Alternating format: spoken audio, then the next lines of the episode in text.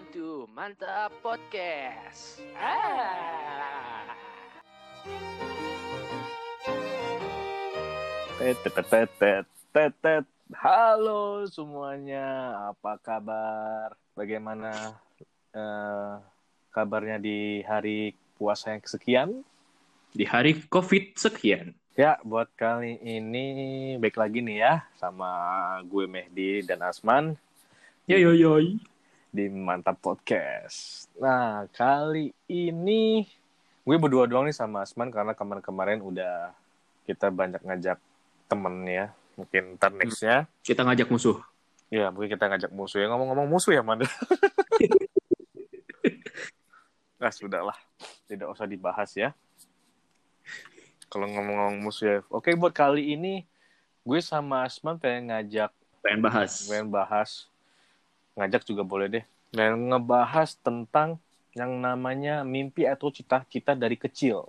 Jadi di mana mimpi itu dan cita-cita itu yang lo inginkan waktu di masa lo pada masih kecil gitu loh. Kalau udah gede namanya BM BM. Mimpi basah. Bukan BM. BM apa? Ya BM pengenan. Bukan cita-cita lah memang pengen. Bukan begitu konteksnya, konsepnya nggak begitu. Iya. Dulu cita-cita. Kalau udah gede BM. Kalau udah gede mah, ya udah jalanin aja deh, syukurin aja begitu. Iya benar. Ambil hikmahnya. Ambil aja hikmahnya. Nggak ada tuh cita-cita. Jadi kan ya namanya cita-cita kayak dulu kan apa sih kita Nah, Medi, kamu gede mau jadi apa gitu kan? Asman, kamu gede mau jadi apa? Itu pasti pertanyaan-pertanyaan awam yang selalu ditanyakan orang dewasa Iya iya. pada Saat, kita- anak anak-anak waktu ya kita kan? kecil ya. Ya kan waktu ha. kecil gitu. Kamu udah gede mau jadi apa? Aku pengen jadi dokter, aku pengen jadi astronot. Pas udah gede, ternyata mereka mikir panjang. Mm-mm. Jadi youtuber aja lah. Iya. Tapi kayak temen gue tuh, ada ada cita-citanya dulu waktu kecil tuh kocak. Apa? Eh, kamu nanti mau kayak udah gede mau jadi apa? Mau jadi kenek metro mini? Anjir itu siapa? Biar yang denger aja tahu. Katanya, loh, kenapa pengen jadi ke- kenek metro mini? Katanya, iya soalnya megang duit banyak. oh, gua tahu. Iya iya iya iya iya. Sumpah absurd absurd itu mimpi yang absurd. Tapi kan kadang nggak semuanya juga sih man, nggak semuanya kayak orang-orang itu cuma mimpi itu waktu kecil doang. Ada juga yang mimpinya terus dibawa sampai ke gede.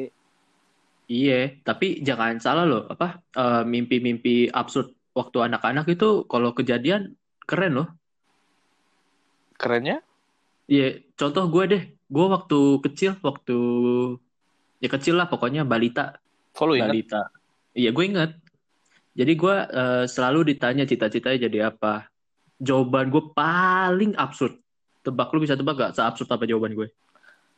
Eh, jadi jadi jadi monster. Enggak, enggak gitu, enggak gitu. Enggak seaneh itu. jadi apa? Enggak, jadi dulu jawaban gue itu cuma satu. Apa tuh? Dan, dan, dan sekarang udah kecapai semua. Apa itu? Jadi abang-abang. Oke, abang tukang bakso, mari mari sini, aku mau beli. Bukan, maksudnya abang-abang tuh punya adik banyak gitu lah. Oh, jadi lo ini, lo jadi abang-abang berarti stuck di bra ini ya, sister, eh, apa, brother zone ya, apa Brother. gitu? Enggak, enggak gitu. Maksudnya, Zona Ya, kakak punya- ade ya, berarti lo setiap mau gebet sekarang malah jadi abang-abangan, malah jadi ini abang ketemu gede gitu. enggak, enggak gitu, enggak gitu. abang. Terus Gitu. gimana? Iya, kesampaian. Gue punya dua adik sekarang. Kan abang-abang. Oh. Dua, berarti jadi adik-adik. Oh gitu. Jadi kalau bapak-bapak, bapaknya dua gitu loh. Ibu-ibu, ibunya dua gitu loh. Enggak, kalau bapak-bapak berarti punya anaknya dua. Ya nggak gitu dong. Manggilnya, kalau misalnya mereka dua bareng kan, bapak-bapak gitu. kalau anaknya tiga, bapak-bapak-bapak. Repot dong ya. Kalau misalnya nih dalam suatu acara bapaknya banyak deh bapak bapak bapak bapak bapak bapak bapak bapak bapak bapak bapak bapak bapak bapak bapak bapak bapak bapak Oh, gue tahu itu. Itu Apa? mah be- bapaknya si Atta Halilintar kan banyak anaknya. Berarti kalau bapaknya teman kita kan anaknya banyak tuh, ada enam tuh. Jadi kan Ya itu masih enam lah. Atta berapa? repot dah. Rajin yang bikinnya ya. Iya. Iya bikinnya enak. Kayak mah enak. Iya kayak mah enak. Hmm, jadi Bikin. itu ya, ya jadi kayak gitu ya man ya. kayak jadi kalau mimpi yang kita tanam dari kecil dan kenyataan di waktu kita gede itu luar biasa gitu ya rasanya. ya. Luar biasa. Punya pride sendiri. Iya gitu. Ya, tapi kan kalau gue sih dulu gue kan ini ya. Gue itu kan sebagian besar keluarga dari bokap gue itu polisi ya. Mm-mm. Oh, gue tahu nih. Mimpi lu ya, tapi nggak kesampaian kan jadi pemain Smackdown. Itu belum tuh nanti gue ceritain itu. Jangan lo sebut dulu. Jadi waktu kecil dulu gue pernah ditanyain, Medi, kamu ntar gede mau jadi apa? Wah, dengan perat yang gak bangga dan besar gitu kan. Hmm. Aku mau jadi polisi. Wah, itu senang. Bokap gue senang, terus saudara-saudara gue senang dengar gue pengen jadi polisi yang karena kan keluarga gue kan dari kakek eh, dari bokapnya bokap gue, kakek gue Hmm. kan itu Hmm. polisi. Sampai Hmm. sekarang pun banyak sepupu-sepupu gue jadi polisi. Iya, iya, iya. Senang kan bokap gue, wah bagus nih anak saya mau jadi polisi oh gitu kan. Tapi Hmm. gue membatalkan cita-cita itu. Karena? Karena waktu itu gue nonton sinetron ada polisi ketembak mati. Dan gue di situ jadi takut. Dan gue bilang ke bokap gue pah aku nggak mau jadi polisi. Loh kenapa? Takut ditembak mati nanti. Jadi kebodohan gue dulu itu sampai sekarang gue jadi nggak mau nggak mau jadi polisi gitu loh itu lucu asli. nggak mau di nggak mau jadi polisi takut ditembak mati makanya gue sekarang nggak pernah ditembak-tembak sama cewek Ya, bukan gitu sih. Nggak Oh. ke situ arahnya. Oh, Gue ya? tampar ya. harusnya gue jadi sniper gitu jadi pembunuh bayaran gitu ya biar nembaknya tuh Ya, ini ini salah satu pembuktian eh, sinetron itu men- eh, merusak cita-cita anak bangsa ya. ya betul sekali iya iya gara-gara sinetron gitu kan gue Iya, lihat iya. ada adegan polisi ditembak mati meninggal gitu dan gue nggak mau jadi polisi lagi hmm. gara-gara takut ditembak Hmm. mati Bela terus itu sinetron, bela terus.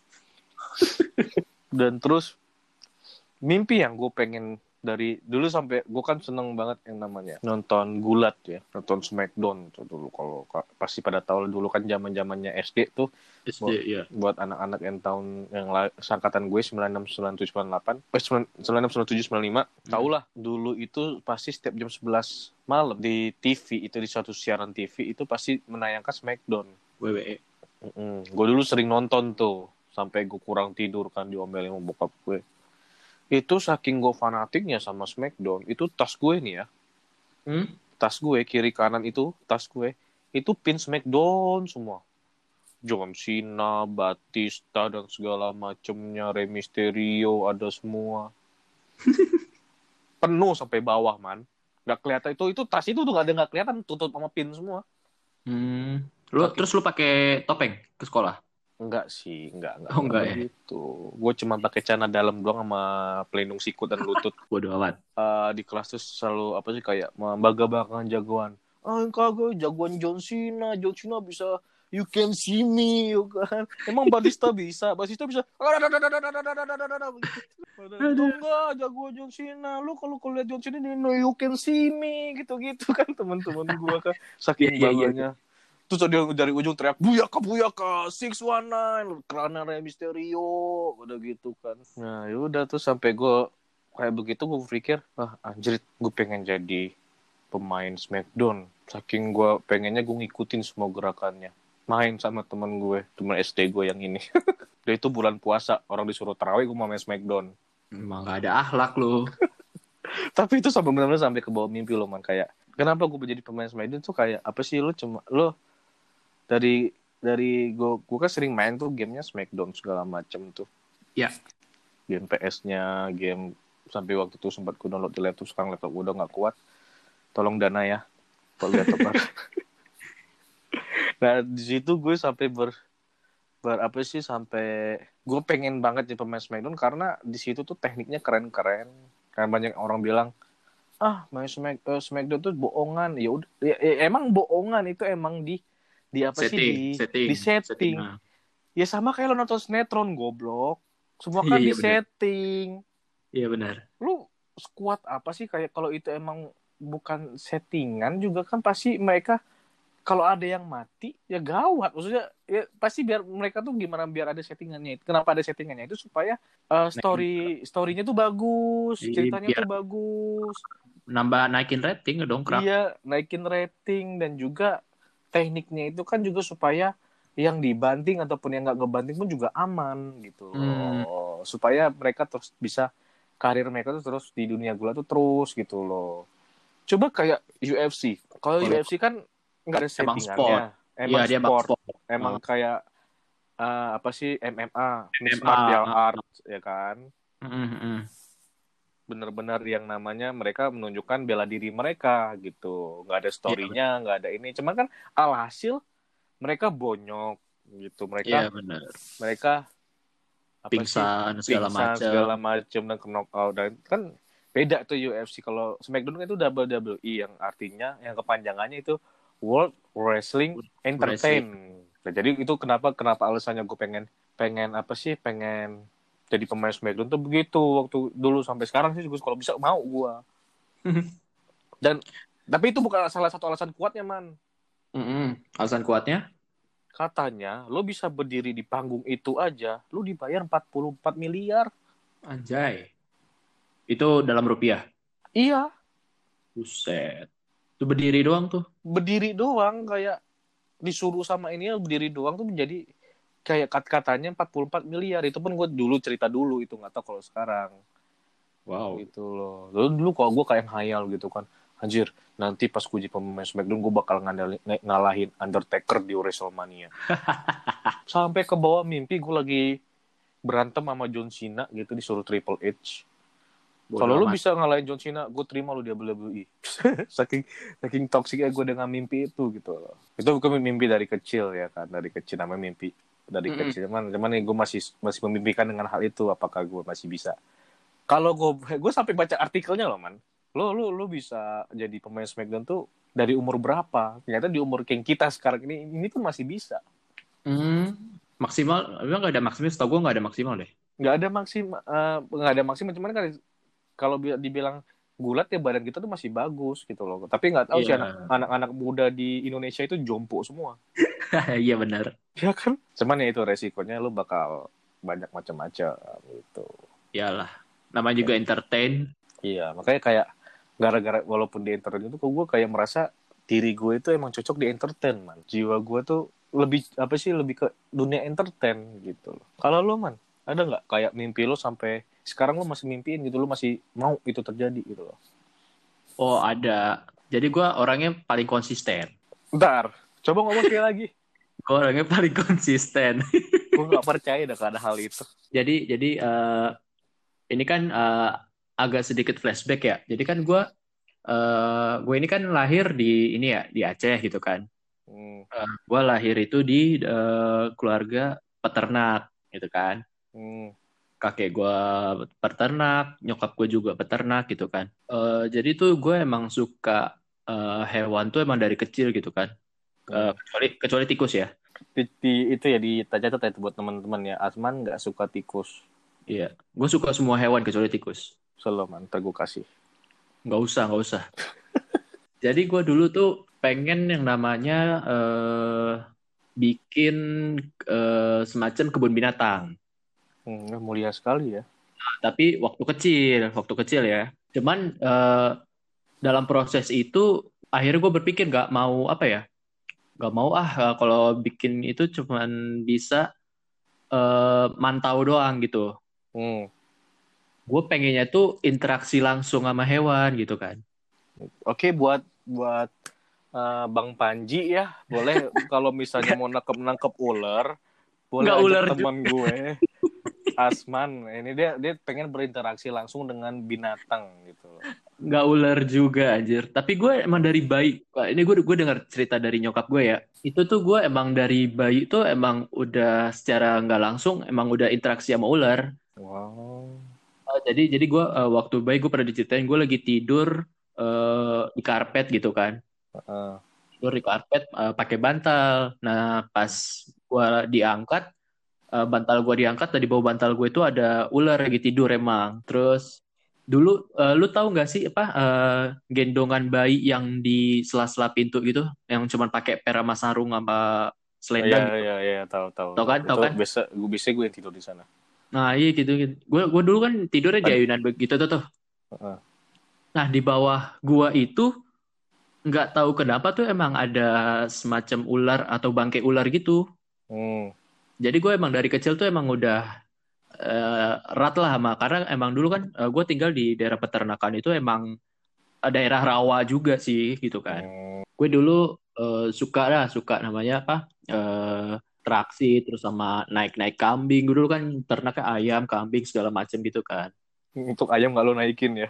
Ya enggak untungnya gitu. Cuman gue saking saking apa ya dulu, saking pengen interaksinya sama hewan langsung, gue gue agak trauma sama kalkun sama angsa karena dikejar. iya, s- iya lu soang lo ajak ngomong. Lu nggak tahu kan waktu zaman gue kecil itu soang tuh premannya pengkolan depan rumah gue. Ini namanya waktu kecil kan gak tahu apa-apa kan gue orangnya friendly banget, pengen bersahabat sama semua ha- makhluk gitu kan. Ke makhluk halus pun lo sahabatin. Enggak, itu gue budakin. Aduh, jadi gitu sempat trauma gue sama soang, sama kalkun. Bahkan sama anjing pun gue dulu kan eh, kakek gue melihara anjing gitu kan. Jadi tuh emang anjingnya ini Kok kakek Kenapa? kakek lo melihara anjing? Kakek gue juga melihara anjing dulu. jajan kita satu kakek gimana? Beda. Oh iya beda beda. Eh, anjingnya anjing buat jaga ini, jaga peternakan dan segala macamnya lah gitu kan. Loh, kok juga sama sih? Anjing kakek gue juga buat jaga rumah. Iya beda dong anjir. Aduh. Iya jadi eh, emang inilah jadi memang dari kakek gue emang udah nggak apa eh, udah erat sama hewan. Terus nyokap gue pun emang apa udah erat banget sama dunia hewan gitu kan karena dia eh yang gue salutin dari nyokap gue nyokap gue itu dia dulu ternak ayam cuman buat biaya eh buat jajan lah buat jajan gitu lah karena eh, sekolah kan dibiayain sama kakek gue tapi dia jajannya lewat ternak ayam itu gitu kan Lah kok sama juga sih, Man? Nyokap gue juga ternak ayam dulu. yang bener ah Seriusan? jajan nyokap kita sama lagi Bay. Beda goblok. iya Gue juga miara ayam lo dulu lo. Waktu dulu juga pernah tuh kalau ngomong-ngomong soal ayam, ah ada anak ayam gue tendang, eh bapaknya ngamuk. ya lu goblok goblok sih Bukan dari kecil udah iseng mana orang.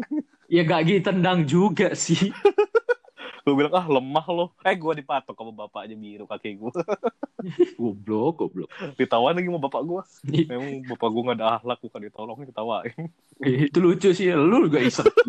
Kelakuan.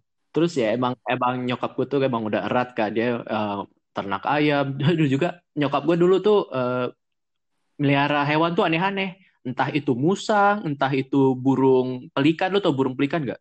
Tahu tahu. yang di Nemo tuh Nggak usah di Nemo, Ragunan juga ada. iya iya iya itu Sebel bet gue.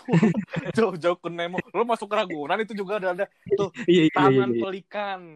Iya, iya, iya, itu satu. Terus sebelum gue lahir pun dia udah kayak apa?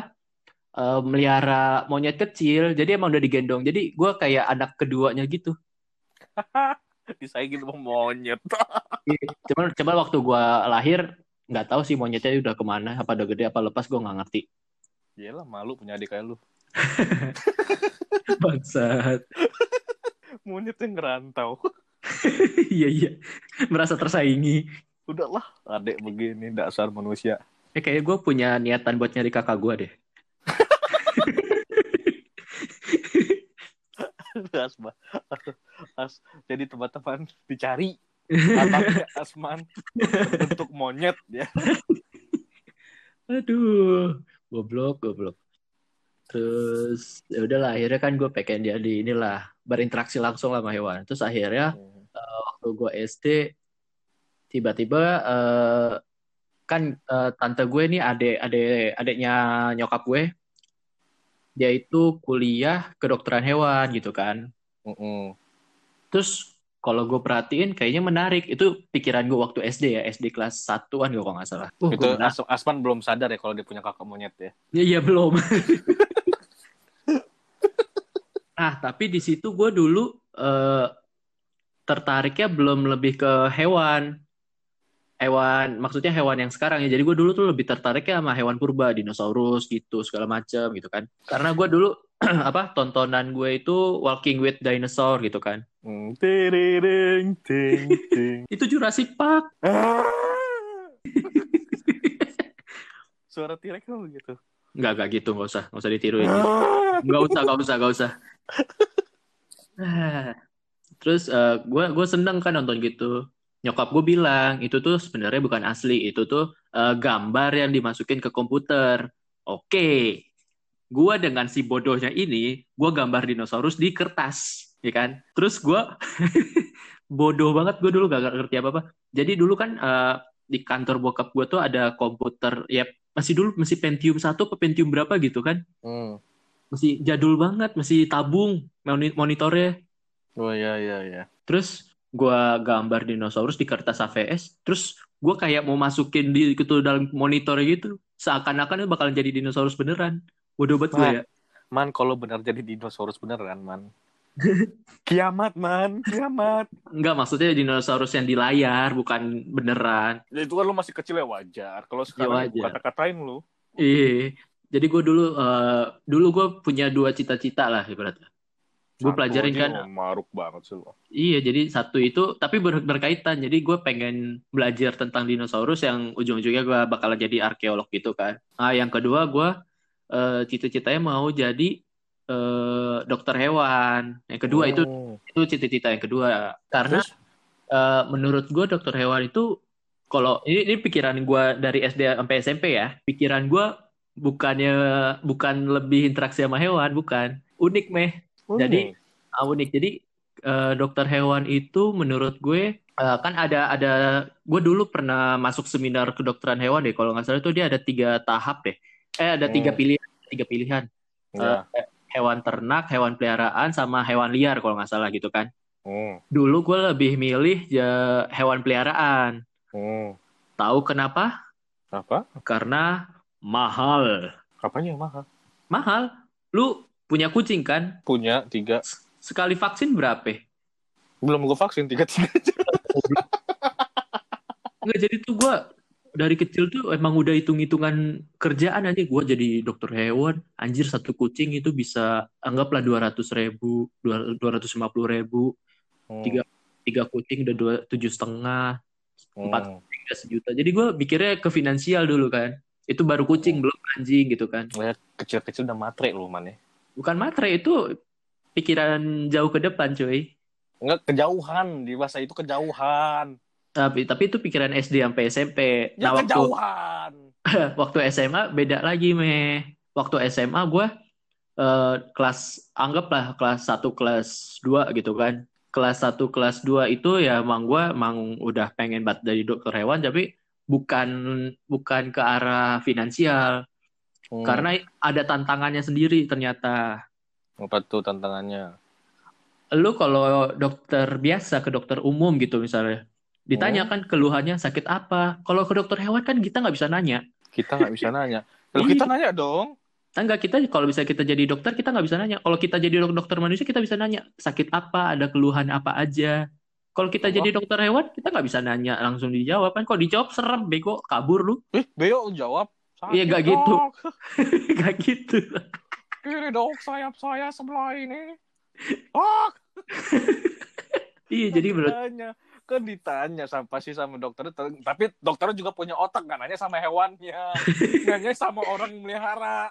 ya itu ya orang melihara emang tahu yang dirasain itu hewan apa. Iya kan tahu secara melihat kenapanya. Misalnya bawa ini dok kucing saya kenapa nih? Eh, eh, eh, kenapa nih ini dok kucing saya mencret mencret tahu buangnya buang airnya air ini cair terus terus tadi bilang "Ku- kucing saya katanya lemes banget gitu. Ini kenapa ya dok ya? Kan Nah. pasti dari orangnya. Nah, itu lah. Lu kalau kalau dokter he- eh, dokter manusia nih, misalnya lu ngeluh, ini ini saya sakit nih apa eh, mencret-mencret apa segala macam gitu kan. Dokternya Hmm. cuma jawab satu, meh, Apaan? masuk angin. Ah, Mas- enggak. Ah. Masuk angin, nggak nggak dicek dulu apa-apa. Terus habis itu eh, cuma dicek mata, cuma dicek detak jantung gitu doang. Kalau hewan itu, jadi itu ada prosesnya dia kalau bisa ditanya alasannya ke sama orangnya lah, pemiliknya lah. Ini kenapa? Misalnya kucing saya mencret-mencret. Itu tuh harus dipakai mikroskop dulu, harus diambil sampelnya dulu, ribet. Jadi ada tantangan sendiri. Hmm, gitu tuh. Nah, sampai akhirnya gue dari SM, eh, dari SMP itu gue udah belajar jadi dokter, walaupun ya sama hewan-hewan gue sendiri gitu kan. Hewan-hewan, jadi eh, hewan-hewan, misalnya peliharaan gue yang selalu gue pelihara itu pasti selalu inilah apa berkembang biak lah, nggak pernah nggak gitu. Oh, kucing lo enggak. Ya kan kucing gue jantan, kucing kucing gue kan tugasnya cuman memperkosa para kucing betina lain. Iya, sama kayak pemiliknya Pak Boy. Iyalah. Jadi kan emang ada tantangan sendiri. Jadi eh, hewan pertama yang berhasil gue sembuhin itu ya ikan. Gue punya ikan dulu kan. Hmm, ikannya udah udah kegoreng terus lo sembuhin gitu. Enggak, enggak gitu. Jadi gue dulu eh, punya ikan, eh, inilah matanya hilang satu gitu kan.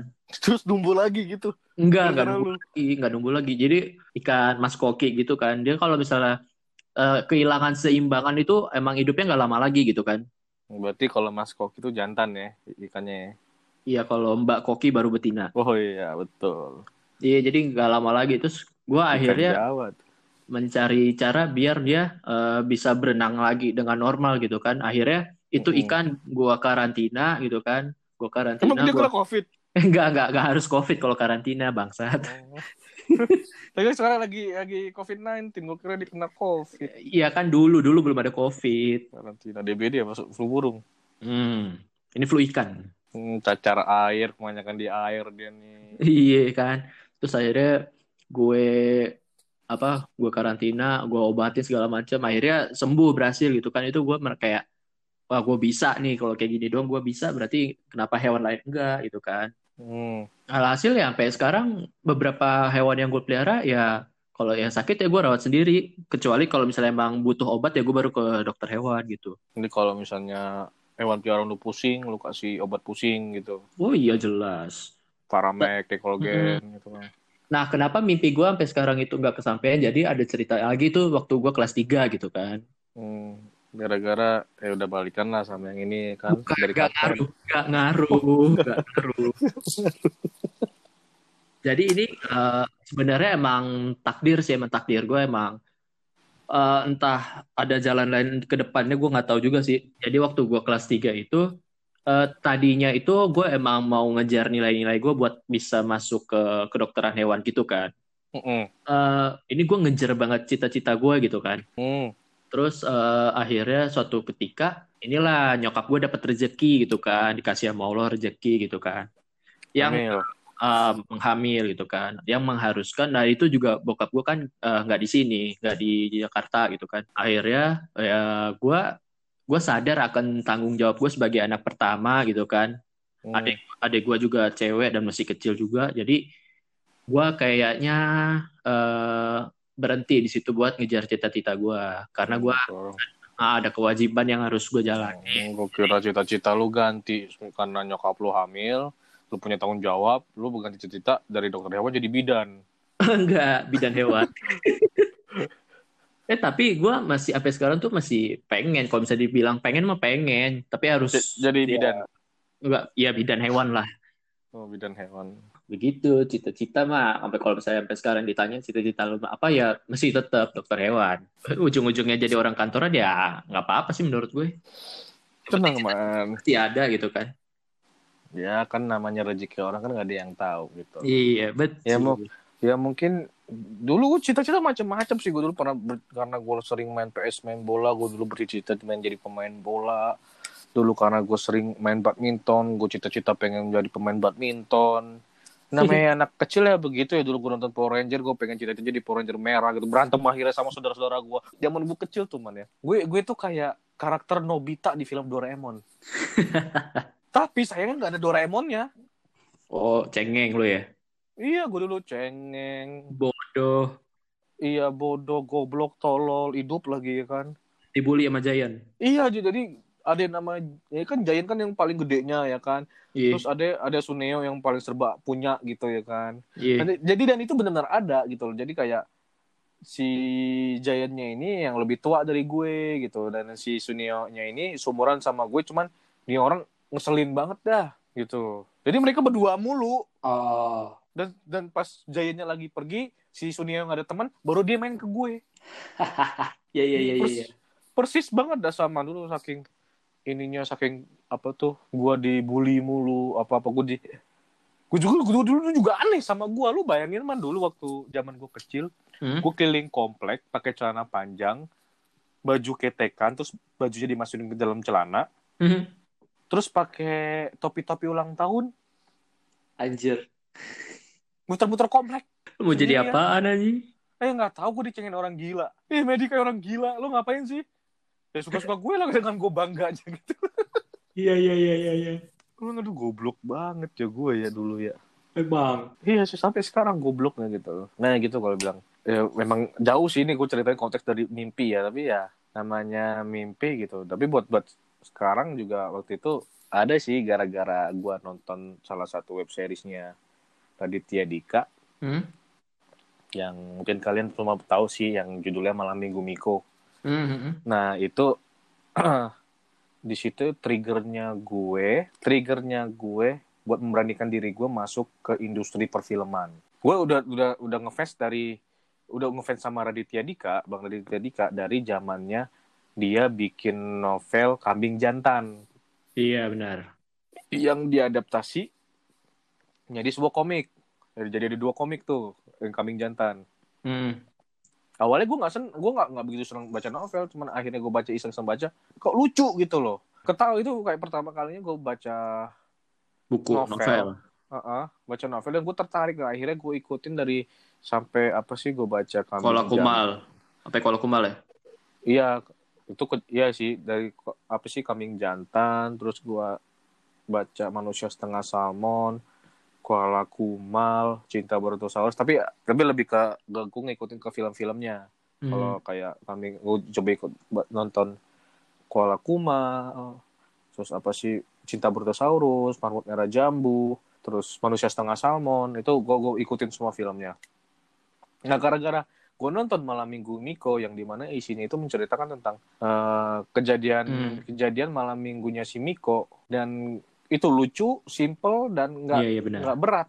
Dan ceritanya juga nggak bertele-tele. Dari situ gue jadi seneng gue jadi gue jadi kayak gimana gue coba bikin film? Nah, itu kejadian kan waktu itu cuma gara-gara kita habis hunting di taman Kita mini Trik habis itu kita coba itu hunting pertama di ya dalam- basement basement. iya basement ya kan. Habis itu gue bilang man coba gi- gimana kalau kita Hmm. bikin film Nah. coba bikin film nah Bentar bentar dan bentar. kan Ini harus detail nih, Besok karena lucu. Eh, gue lanjutin cerita lo ya. Eh, jadi lupa Jadi ini- gimana. kita hunting di eh, basement suatu mall lah gitu ya. Hunting hunting abis itu eh, Iya. foto itu kan masih foto. Terus eh, akhirnya lu bilang kan, coba yuk video gitu kan. Nah, akhirnya bikinlah beberapa video Iya. Eh, karena kita menurut kita tuh kita mampu lah bikin sebuah film pendek gitu kan. Akhirnya kita eh lu nanya kan Mhm. gimana kalau kita bikin film gitu kan. Dan gue dan teman-teman setuju gitu kan. iya Iya boleh, namanya juga coba-coba itu kan. iya Nah, akhirnya eh, Hmm, kita pulang lah, sekali. pulang. Eh, kita pulang dan sepanjang jalan kan gue bonceng sama lu kan karena gue waktu itu habis kecelakaan jadi gak bisa bawa motor gitu kan. Dari situ kan eh, gue pulang sama lu, lu kan eh, ah kan habis Oh, itu kita mau diskusi kan, diskusi di sepanjang perjalanan di, di motor itu kita diskusi kan, kita mau bikin apa kayak kayak gimana gitu kan. Akhirnya nemulah itu sepanjang perjalanan itu Ah. kita nemu konsep lah ya kan, nemu konsep akhirnya iya betul eh ha- malam itu juga kita bikin skrip ya kan? Ta- tapi kita ngajak dulu nih eh, pemeran Hmm. si ceweknya dia mau apa enggak. Iya iya benar. Setelah gua gua chat pemeran ceweknya dan Oh dia iya. Terus eh, mau gitu. ya udah akhirnya kita ke rumah gua kan meh, ya kan ke rumah gue. Karena niatnya Iya. mau bikin skrip, ya kan. Gua gua minta tolong lah sama nyokap gua bikinin apa kopi gitu kan karena kebetulan emang nyokap gua lagi di dapur gitu kan minta tolong lah bikinin kopi gitu kan Mm. tanpa basa-basi lagi gue minta man tolong ini gue Hmm. situ gue belum ada laptop ya masih laptopnya Asman gue minta sama Asman man tolong ada kertas sama pulpen gitu kan mumpung kepala gue lagi kerja nih lagi lancar gue bikin itu skrip dengan tulisan. Nah pure sa- itu semalaman itu. Nah ya udah kan sam- sampai sambil Asman main game ya udah kan akhirnya. Itu gue Hmm, minta hmm, kopi kan karena gue udah mulai ngantuk. Ya udah kan udah. Akhirnya udah nggak lama gue habis ngechat si cewek mau ikut apa enggak sejauh dia mau ikut akhirnya Iya. gue lanjutin nah, akhirnya datang nih nyokap enggak gua kan. nyokap gua nggak nggak datang kopi. apa ya eh, naruh di dapur Nah. cuman gue yang ngambil ya nah pas Asman udah datang nih eh, sebelum gue minum kopinya gue udah melek langsung melek gitu ngeliat Asman membawa kopinya As asal kalian tahu ya ini gue bingung nih sama nyokapnya Asman antara dia menyemangati kita apa emang kita ini dilarang tidur gitu loh di situ kondisinya emang benar kopinya benar-benar kopi gitu bukan bukan kopi-kopian gitu ya kan datangnya benar kopi tapi segelas gelas bir. Kan selalu tahu kan gelas bir kan gede tuh ya kan di mana gelas bir itu gede tapi itu nggak penuh banget karena ada busa-busanya. Ini pure penuh Aduh, banget kopinya. kopinya kopi hitam Aceh lagi. Nah kopi hitam Aceh yang di mana itu strong banget kopinya. Aduh, penikmat ya kopi pasti tahu lah ya kopi Aceh nah dia udah di situ deh. Akhirnya setelah gue bikin Iya. skrip pada malam itu juga selesainya. Akhirnya Hmm. besoknya gue langsung ke TKP Hmm. sama Asman. Teman-teman gue juga udah pada datang dan akhirnya kita mulai. Dari situ gue merasakan iya iya. oh begini ya jadi sutradara ya. Kameramen begini editor ya. jadi apa sih? Jadi kameramen segala macam ya kan. Dan di situ gue sama Asman cuma Iya, bermodalkan benar. kamera dan tripod. Tripod dia kamera gue. Ya udah kan di situ karena gue semangatnya syuting gue gue mencoba nih gue tidak memasang keadaan gimana pemain gue capek ataupun teman-teman gue capek kita ada istirahatnya dan susahnya dari mana suaranya bocor dari ya itu itu sih Iya. kita asal bikin aja sampai tahu cahayaan lah segala macam ya kan Iya, masih masih jumpingnya banyak banget. Dan di situ gue sama Asman benar-benar semangat sampai kita bikin dari jam Hmm, 6 iya pagi benar. sampai jam 10 malam. Dan di itu selesaikan dalam hari itu. Dan gue salutnya man, kemarin gue iseng nonton film itu lagi. eh, buat buat film yang bener-bener apa adanya itu sampai sekarang gue lihat itu Anjir. udah lima ribu viewer udah lima ribu lima lima koma tiga viewer di situ gua kaget itu gara-gara di situ gue ber, jadi bermimpi pengen menjadi sutradara gitu sutradara Hmm. buat ini ini benar-benar cita-cita gue yang mulia ini gue pengen menjadi sutradara sutradara terkenal supaya gue pengen ngebangun industri perfilman Indonesia karena menurut gue setelah ada sinetron mungkin sinetron sinetron ini nggak salah juga sih sebenarnya emang tujuan target marketing Hmm. mereka itu golongan B ke bawah. Buat kita kita zaman anak-anak zaman milenial iya ini, milenial ya kan? Ini kan Mhm. benar-benar namanya jarang nonton film. live stream kita streaming. lebih ke web lebih ke- series web iya streaming, lebih ke iya web series internet gitu kan segala macam, YouTube segala macamnya. Situ gue berpikir kayak gue pengen ngebangun dunia perfilman dari sisi web series. Cuman di saat gue lagi membara nih kalau kata temen gue terbakar dengan ambis-ambis gue pengen menjadi seorang sutradara banyak banget Iya, hal-hal yang menghalangi. Ada aja lah halangannya ya. Iya ada aja di mana yang kita udah sepakat. Oke hari ini kita ini oke sepakat. Pas sudah hari hanya ntar tiba-tiba ada yang berubah. Kita harus mikir lagi apa sih. Ini gimana nih man? Orang-orang kagak datang-datang nih gini-gini ini sampai akhirnya si peran cewek pun iya iya iya benar. udah nggak betah gitu loh. Nah di situ kayak gue merasa sama Asman membuat film ini kalau nggak ada iya ceweknya nggak ada pemanisnya. Sedangkan mencari seorang cewek itu agak susah. Nah itu jadi nggak gue di mana gue sama Asman masih ambis mau bikin mau bikin film pendek, iya gitulah. nah, tapi kita nggak dapat support gitu. Tapi sampai sekarang pun gue masih masih menginginkan menjadi sutradara karena buat gue sekarang ini gue benar-benar yakin Hmm, kalau hmm, gue hmm, ini cocok di dunia entertain gitu loh.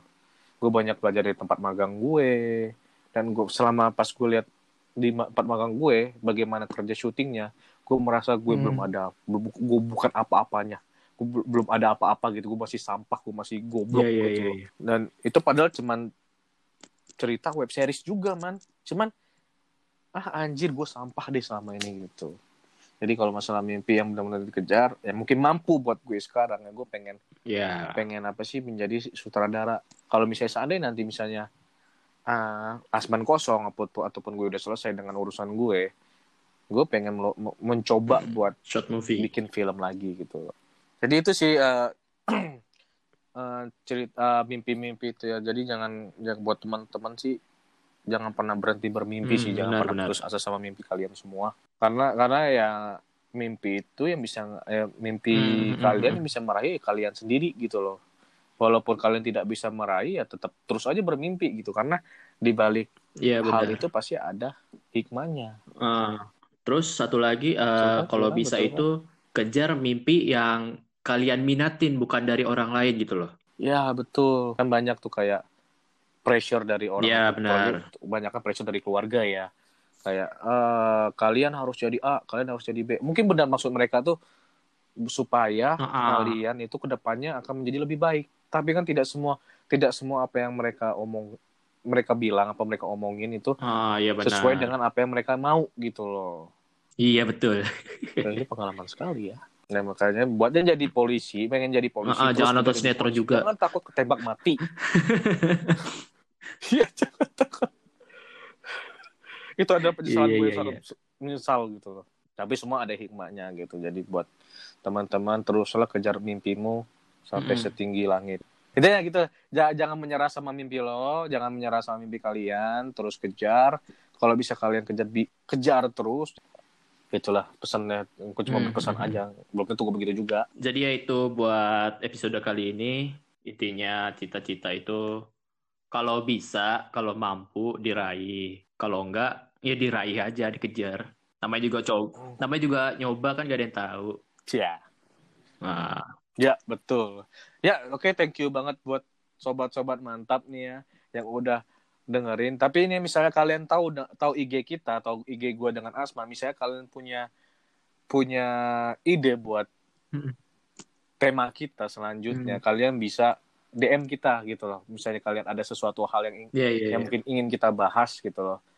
Karena eh, di sini kita banyak Hmm, menceritakan siapa tentang tahu dia mau kita sharing. gitu gue sama Asman ya bisa tahu ada yang mau sharing bisa DM langsung ke kita kalau nggak tahu misalnya kalian bisa add gue add Mehdi Zulkarnain biasa aja tulisannya. Hmm. M, Asman V, add. A Z M Iya V, nggak ada A-nya, MVN. oh iya. Iya iya. itu. Asmun. Asmun gitu. Jadi buat misalnya buat teman-teman yang tahu kita boleh boleh banget sharing idenya ke kita gitu loh bantu Boleh, boleh, boleh. bantu kita buat mencari tema gitu. Jadi see you in next Episode. Jane